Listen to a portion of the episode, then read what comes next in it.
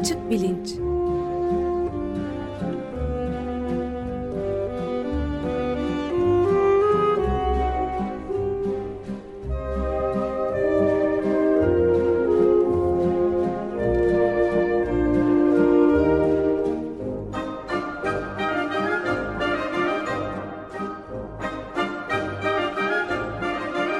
Güven Güzeldere ile bilim ve felsefe sohbetleri.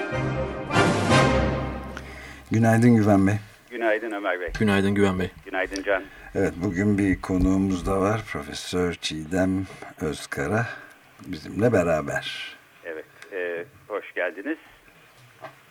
Hoş, hoş geldiniz. Hoş bulduk, teşekkürler.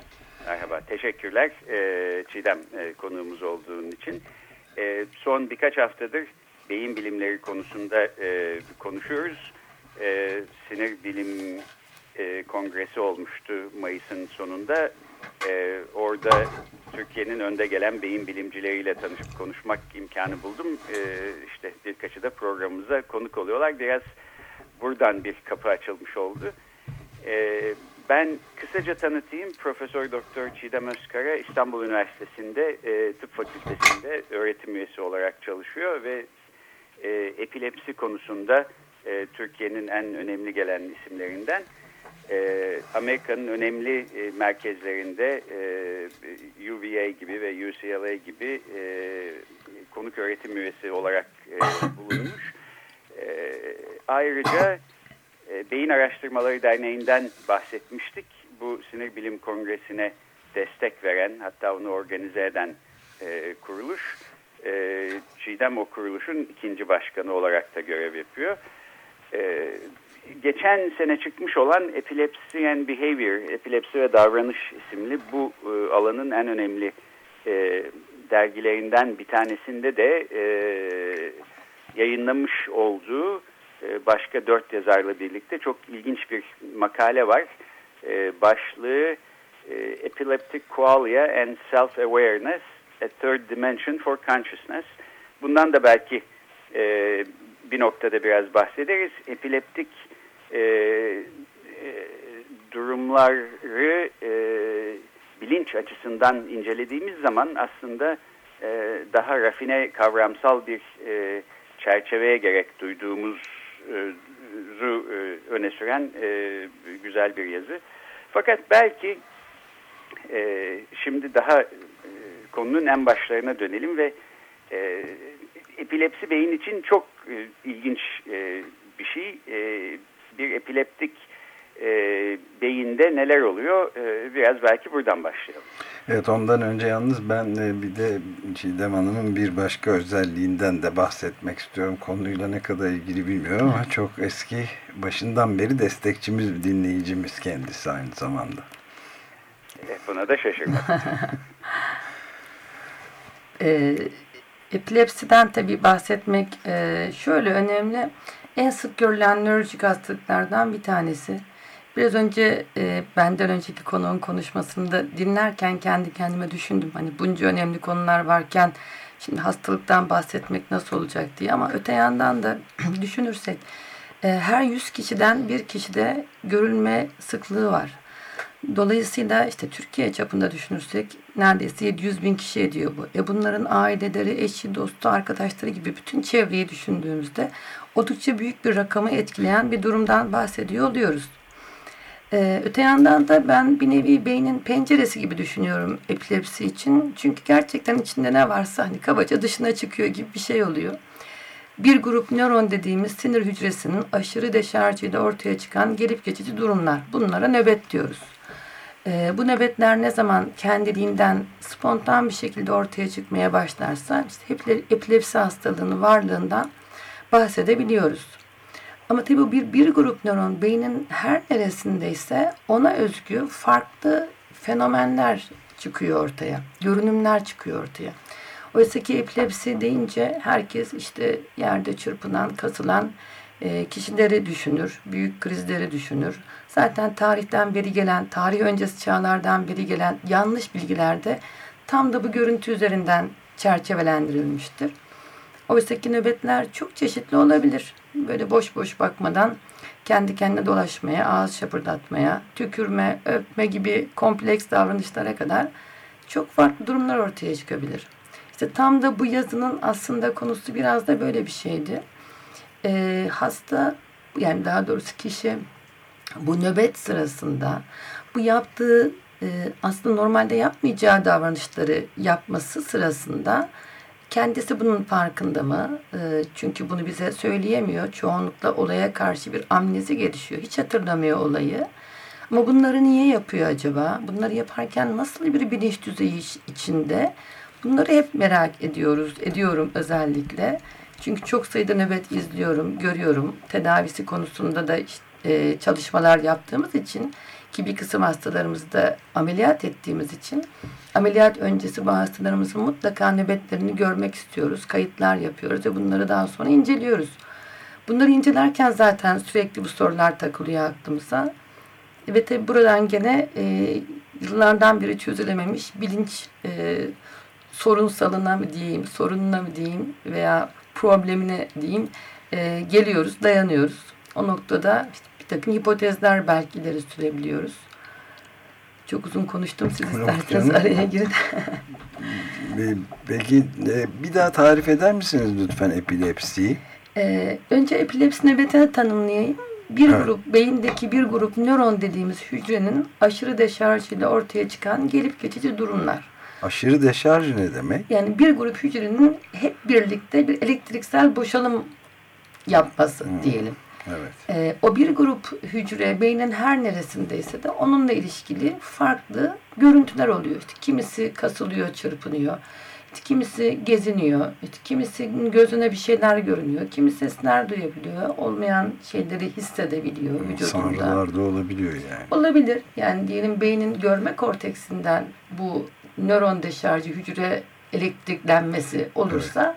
olmayan bir şeyi pekala görebilir kişi. İşte işitme ile ilgili bölgesinden kaynaklanırsa sesle ilgili bir takım e, gene olmayan sesler duyulabilir gibi. Yani tamamen beynin potansiyel fonksiyonlarının bir nevi dışa vurumu gibi düşünebiliriz e, epilepsi nöbetlerini aslında. Evet, burada şöyle felsefi bir e, mesele de ortaya çıkıyor. Ben de belki ona değineyim. E, epilepsi dışarıdan bakıldığı zaman galiba epilepsi kelimesinin bir kere e, öncesi bu eski Yunan'a e, kadar gidiyor ve ele geçirilmek falan gibi evet, bir anlamı zapt olan. etmek, e, ele geçirmek. Biz e, birkaç hafta önce e, Gata'da bir profesörün yazdığı şizofren hastaların aslında beyinlerine cin girmiş olduğuna dair bir hipotez içeren bir yazıdan bahsetmiştik.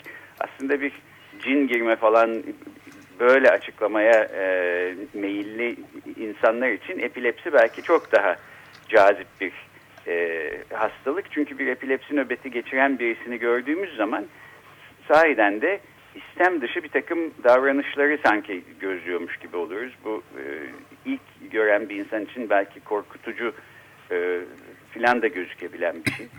E, Çiğdem de bahsetti. E, epilepsi nöbetlerinde e, zaten e, beyin hiçbir zaman durmadan çalışıyor. Fakat e, kortikal aktivite bazı yerlerde e, aşırı e, tezahür etmeye başlıyor. Böyle olduğu zamanlarda e, epileptik nöbetlerin e, bir kısmı konvulsif e, değil mi? Buna Türkçe'de ne deniyor? E, Türkçe'de tam karşılığı yok konvulsif nöbetlerin. İşte kasılmalarla giden motor fenomenlerin ön planda olduğu nöbetler. Direkt bu terminolojileri kullanıyoruz doğrusu. Birebir çevirmek daha anlaşılması güç e, durumlara yol açtığı için. Evet, terminoloji demişken bir de e, Sara da kullanılıyor ama doğru mudur değil midir? Tabii Sara Arapça. Arapçadan gelen gene aşağı yukarı aynı anlamı içeren bir kelime. Türkçe'de yani Türkçe'de tutarık, e, boncuk gibi bir takım kelimelerle veya havale, nöbet bunlar daha çok nöbeti e, tanımlayan kelimeler. Ama epilepsinin karşılığı Sara olarak girmiş Türkçe'ye. E, ama tabii bu kelime işte sen de bahsettiğin cin üzerinden tam da aslında yeri epilepsiyi bu anlamda yeniden düşünmenin. Çünkü hep böyle bir gizemli hastalık gibi davranılmış hatta biraz da korkulan bir hastalık gibi evet. tarih öncesinden beri bile biliniyor. İşte e, Babil'deki taş yazıtlarda bulunuyor, çivi yazılarında bulunuyor. E, Hipokrat kitap yazmış, e, bir monograf yazmış. E, On the Sacred Disease diye yani kutsal hastalık üzerine diye. Hep böyle bir e, alttan alta bir e, kutsallık atfedilmiş, biraz e, metafizik atfedilmiş. Tam da o görüntü üzerinden işte cin çıkarma seanslarına benzer tedaviler uygulanmış. Hatta hala bile böyle tedaviler olabiliyor biliyoruz zaten. Ee, ama hala bir takım toplumlarda işte nöbet geçiren kişiyi görünce herkes kaçıyor. Gene buna işte bir şeyler oldu e, korkusuyla, san, sanısıyla. O yüzden bu stigması en yüksek hatta şizofreniden sonra ikinci hastalık diyebiliriz. Tam da bu nedenlerle biraz da bunun önüne geçmeye çalışıyoruz. Bu yanlış bilgilerin hastalıkla alakalı. Çünkü tamamen beyindeki bir olayın sonucunda ortaya çıkan gerip geçici durumlar nöbetler. Ama etiketleniyor değil mi? Çok ciddi, çok yüksek bir etiketlenmesi, damgalanması var. Stigmayı o anlamda kullandım. Ve bu gerçekten çok ilginç çünkü gelişmiş ülkelerde dahi bu damgalama mevcut. Yani kültürden, eğitimden bağımsız bir damgalanma muhtemelen yine bu tarih öncesine dayanan e, kökeniyle alakalı. İşte Orta Çağ'da bu cadı avı sırasında biliyorsunuzdur bir cadıları yakalama el kitabı yayınlanmış ya da basmışlar hazırlamışlar iki rahip. Onların içinde epilepsi nöbetleri geçirenleri de tanımlıyorlar.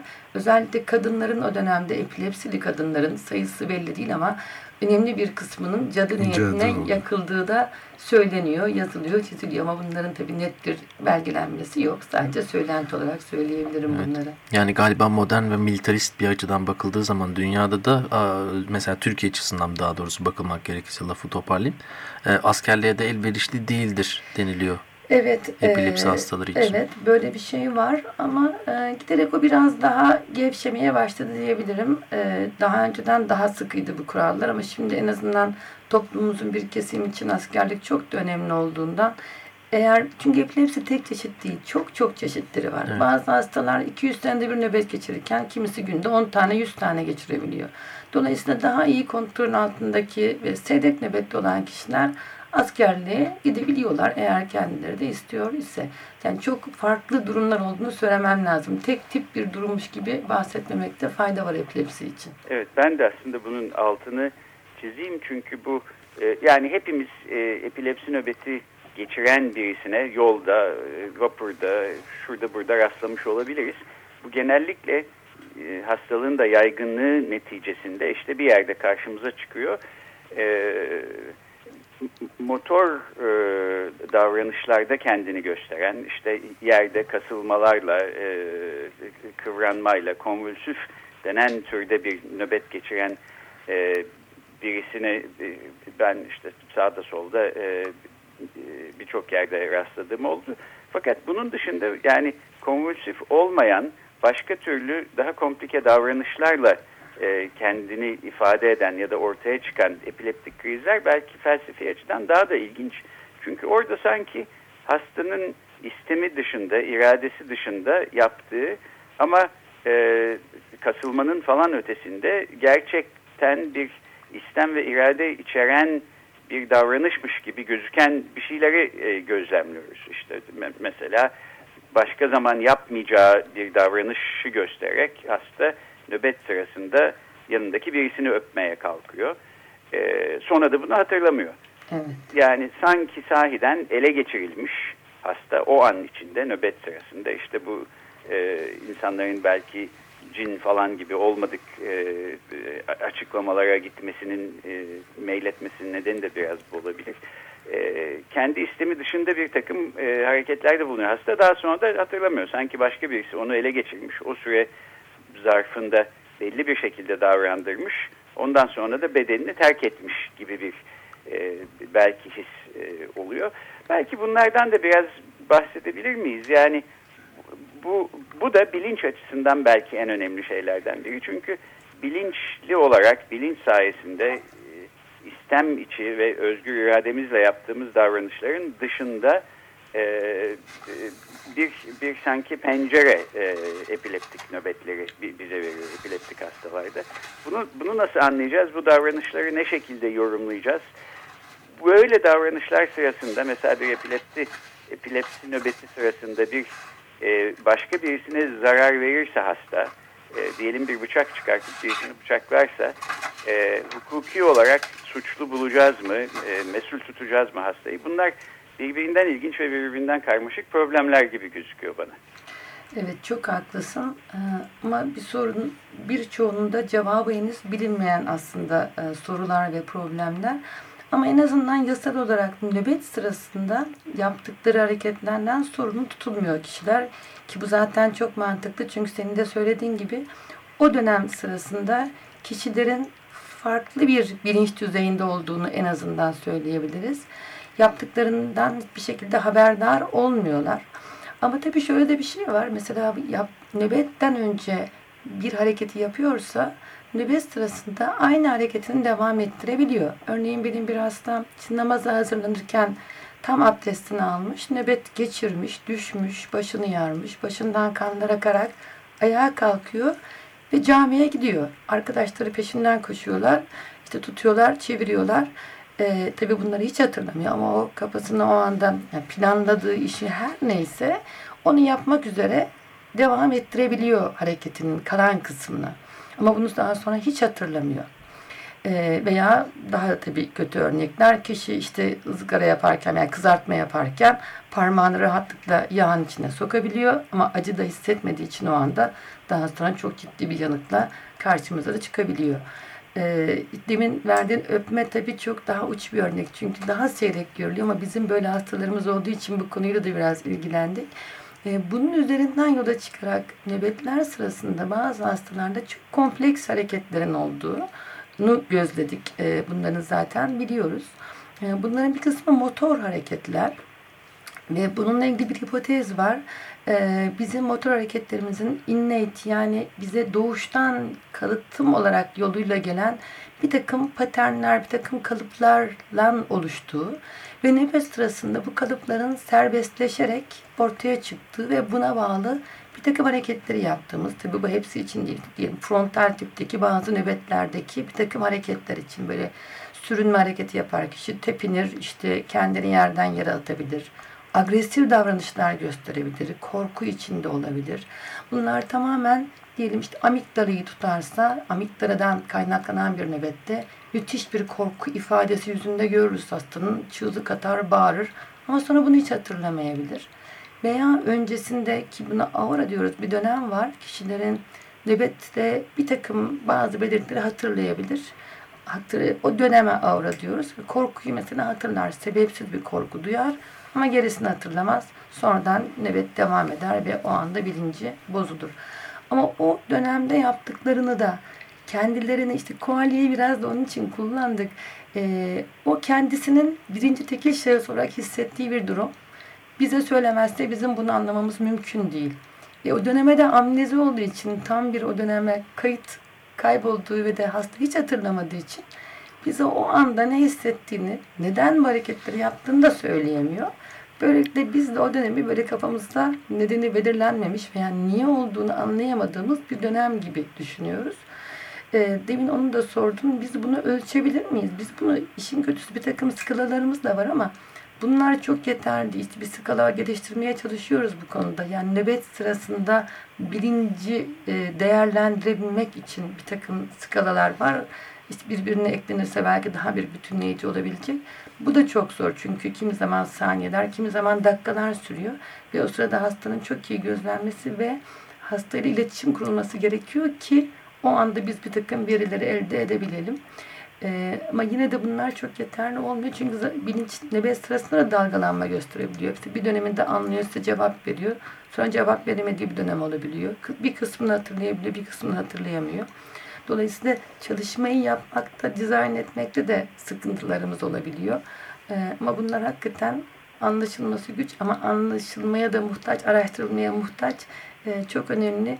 Bilim çalışmalar açısından ışık tutacağını düşündüğümüz konular e, olarak ele alabiliriz. Evet, Çiğdem Hanım süreyi de e, bitirmekteyiz ama ben de şeyi de sormak istiyorum. Tanımlamak bile yeterince zor çeşitlilik gösterdiği için anlaşıldığı kadarıyla. Peki teşhisten sonra bir de tedavide nasıl? Hı hı. E, ne ilaç mı kullanılıyor yoksa başka Ve bir de ek olarak şeyi de sormak istiyorum. Bunun yeme içme hayat tarzıyla da bir bağlantısı üzerinde bir çalışma var mı? Epilepsinin sebepleri çok çeşitli olabilir. İşte beyindeki tümörden, damar yumağından geçirilmiş kafa travmaları, enfeksiyonlar vesaire vesaire. Ee, bazıları genetik olabiliyor. Kendi kendine başlayıp kendi kendine geçebiliyor. Dolayısıyla bu kadar değişik tiplerin içinde önce bir doğru tanı koymamız gerekiyor. Evet. Elimizde ilaçlarımız var oldukça çok sayıda. Ve hastalarımızın yüzde 40 60 arası diyelim bir kısmı zaten ilaçlarla çok rahat nöbetleri kontrol altına alınabiliyor. Ama biz ne yaparsak yapalım, hangi ilacı verirsek verelim kontrol altına alınamayan bir grup %30-40'lık kadar bir grup var ki onlar için de işte ameliyat olabiliyor, ameliyatta tedavi şansı olabiliyor, pil takabiliyoruz, bir takım başka yöntemler var, diyet yöntemleri var vesaire ama bunlar iyi seçilmiş bir küçük bir grup hasta için geçerli. Her birinin kendi özelinde düşünmek gerekiyor bu hastaları.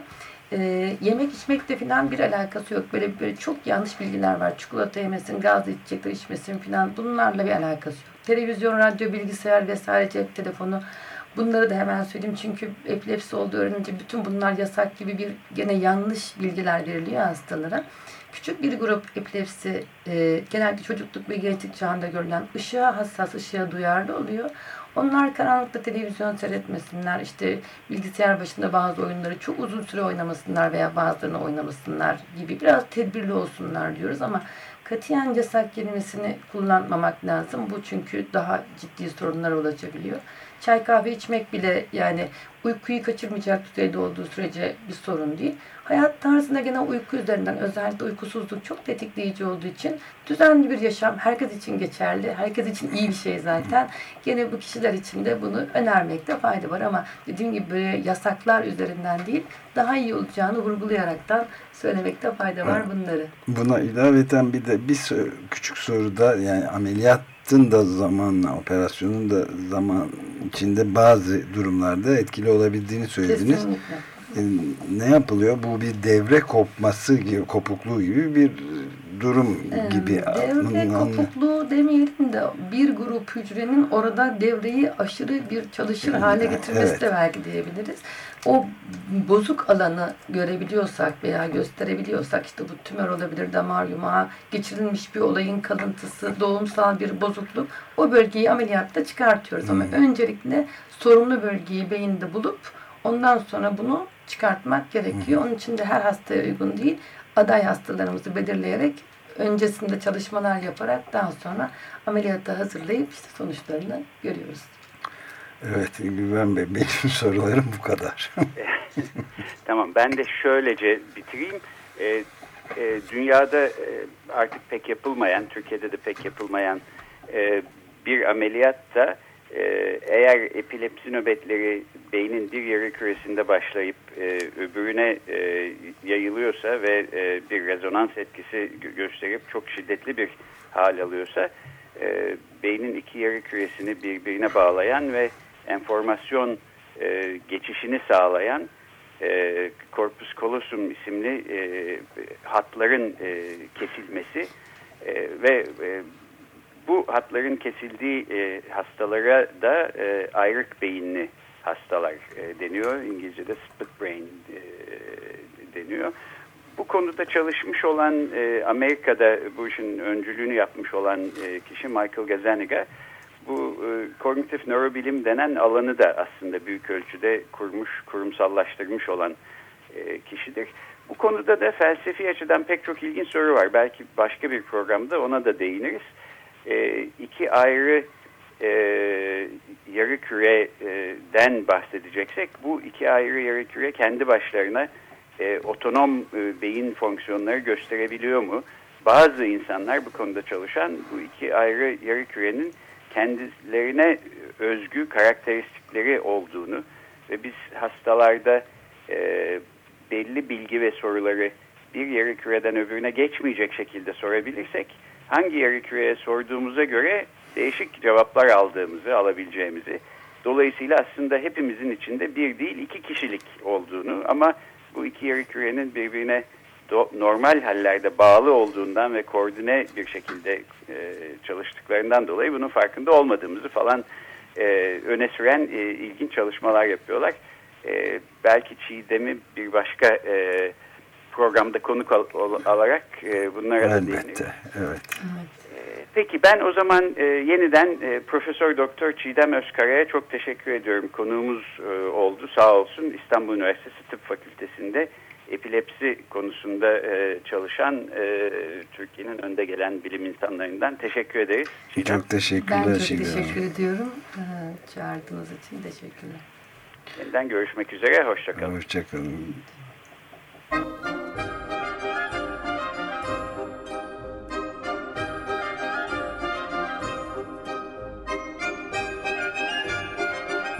Açık bilinç.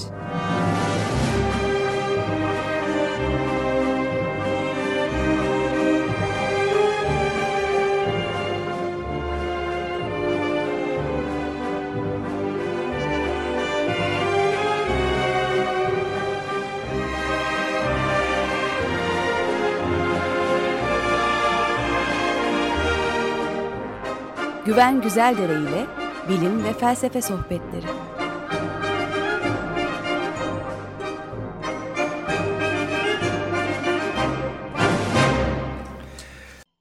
Açık Radyo program destekçisi olun. Bir veya daha fazla programa destek olmak için 212 alan koduyla 343 41 41